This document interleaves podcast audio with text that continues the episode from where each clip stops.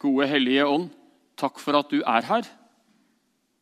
Tal til hver enkelt sånn du så gjerne vil det. Amen. Vi skal lese den oppsatte teksten som brukes i denne kirken og veldig veldig mange andre kirker og bedehus og gudshus rundt om i eh, landet vårt akkurat nå. Det står i Jesu bergprekenen i det sjuende kapittelet fra Matteusevangeliet, og vi reiser oss.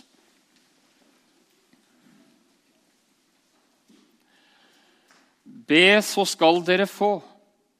Let, så skal dere finne. Bank på, så skal det lukkes opp for dere. For den som ber, han får, og den som leter, han finner. Og den som banker på, skal det lukkes opp for. Eller hvem av dere vil gi sønnen sin en stein når han ber om brød? Eller gi ham en orm når han ber om fisk? Når selv dere, som er onde, vet å gi barna deres gode gaver, hvor mye mer skal da ikke deres far i himmelen gi gode gaver til dem som ber ham? Alt dere vil at andre skal gjøre mot dere, skal også, gjøre, skal også dere gjøre mot dem, for dette er loven og profetene. Slik lyder Herrens ord. Det Jesus delte med oss nå, det er ord fra Han som har skapt deg. Det er ord fra den frelser som har dødd for dine synder og inviterer deg inn det er en sterk og vennlig og varm invitasjon til å være i et bønnefellesskap som det er tenkt at du som barn og du som voksen skal leve i og ha som pulsslaget i ditt liv. Bønnefellesskapet med Jesus. Hele spekteret av bønn og takk, hele spekteret av det å ha kontakt med Gud, henvende seg til Gud i livet sånn det er, i smått og stort, på de vanskelige, trøblete dagene, og på de lyse og glad, og på de midt imellom. Be, så skal dere få. Å leve i bønn, det er å inviteres inn i Eller å inviteres til å leve i bønn. Det er å inviteres inn i noe som best kan sammenlignes med det å puste. Hvor mye må en kristen be? Hvor mye må en nødt for å be hvis en skal være en kristen? Spørsmålet er helt feil stilt. Har du hørt noen ha sagt at eh, 'hvor mye må jeg puste for å være menneske'? Vi spør ikke om det. Men det er en gave at når vi er mennesker, så puster vi. Og når vi er kristne, så ber vi. Det går der, og det er der, og det kan formes i ord, eller det formes ikke i ord. Det er ordløse sukk. Hele spekteret det er av å være deg. Sånn er det for et kristent barn, og sånn er det for en kristen voksen.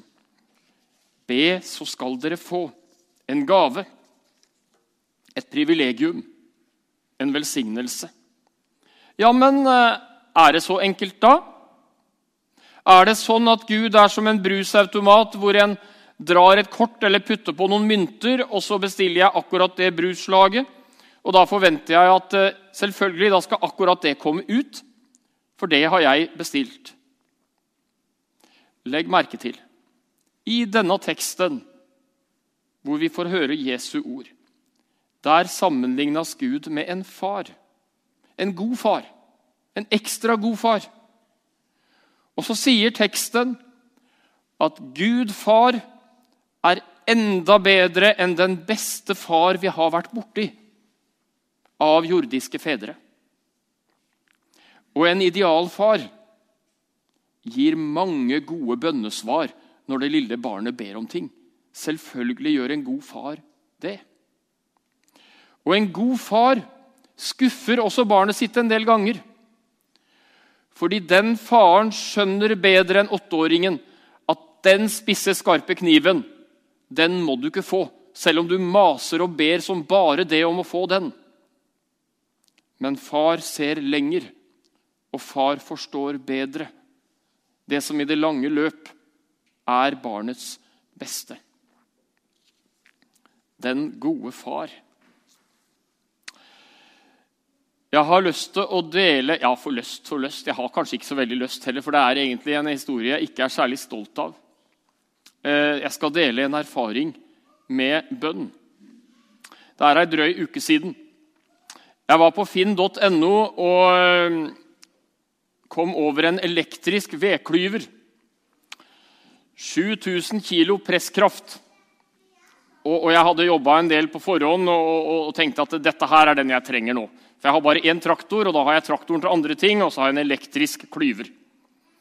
Og denne hyggelige karen langt vekk i stand, et stykke forbi Kristiansand eh, Jeg sa at jeg skal selvfølgelig prøve den.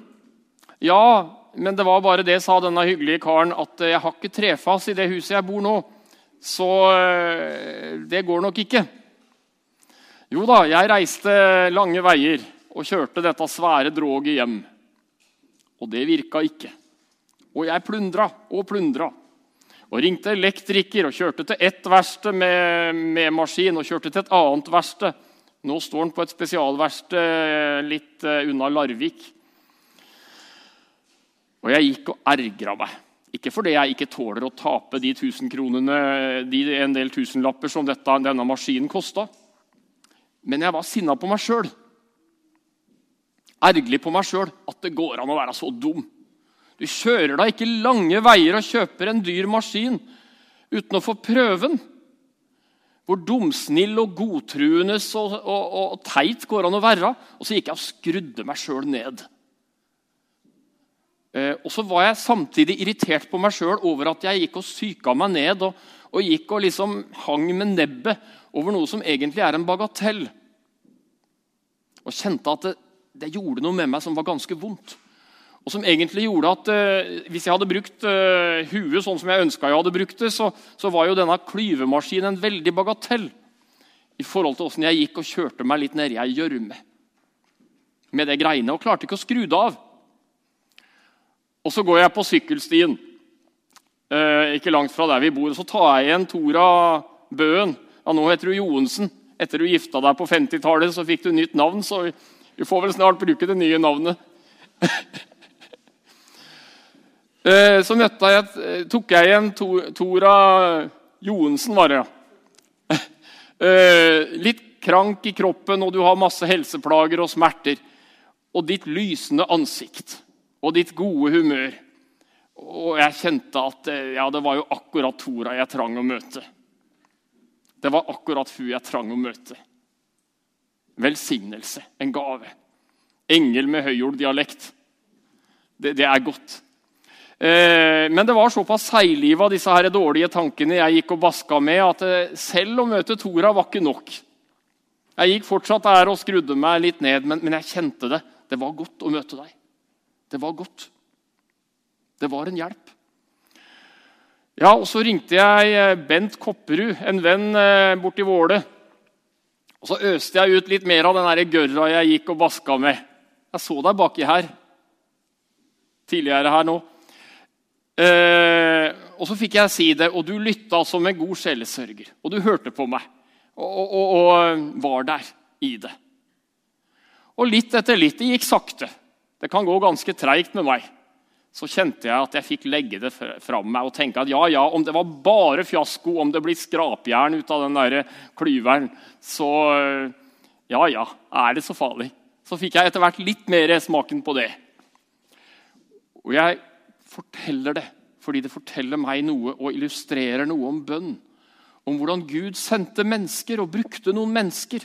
Brukte Tora Bøen og brukte Bent Kopperud for å bringe bønnesvaret inn en, inn i livet til en prest som gikk og lagde vesen ut av bagateller. Og som gikk og leste på seg bekymringer. Uh, og, og, som egentlig er veldig småting i forhold til det veldig mange andre mennesker sliter med.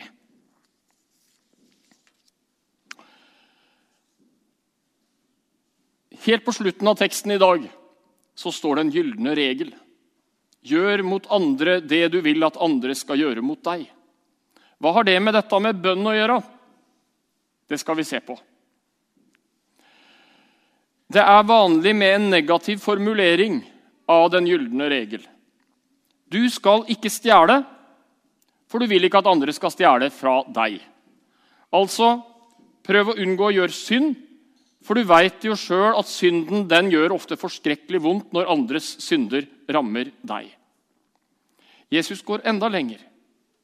Han har den positive formuleringen som også tar med seg de gode gjerninger. Gjør godt mot andre, for det ønsker du at andre skal gjøre mot deg. Og gjør det på den måten som du kjenner at når andre gjør det på den måten, da kjenner jeg det gjør godt. Da kjenner jeg det løfter meg. Da kjenner jeg det hjelper meg. Da kjenner jeg at det er til velsignelse. Og Så har vi den målestokken inni oss, og som hjelper oss til å se hvordan godhet skal praktiseres, og hvordan det ikke skal praktiseres. Det lærer Jesus oss. Hva har det med bønn å gjøre? Jo, hvis vi kan tenke oss at ditt liv er en robåt, så er bønnen den ene åra. Og en robåt uten to årer, den funker ikke. Det går rett og slett ikke. Den bønnens åre må være der. Den er tenkt å være der, men den aleine går ikke bra. Det må være de gode gjerninger som den andre åra. De gode kjærlighetsgjerninger.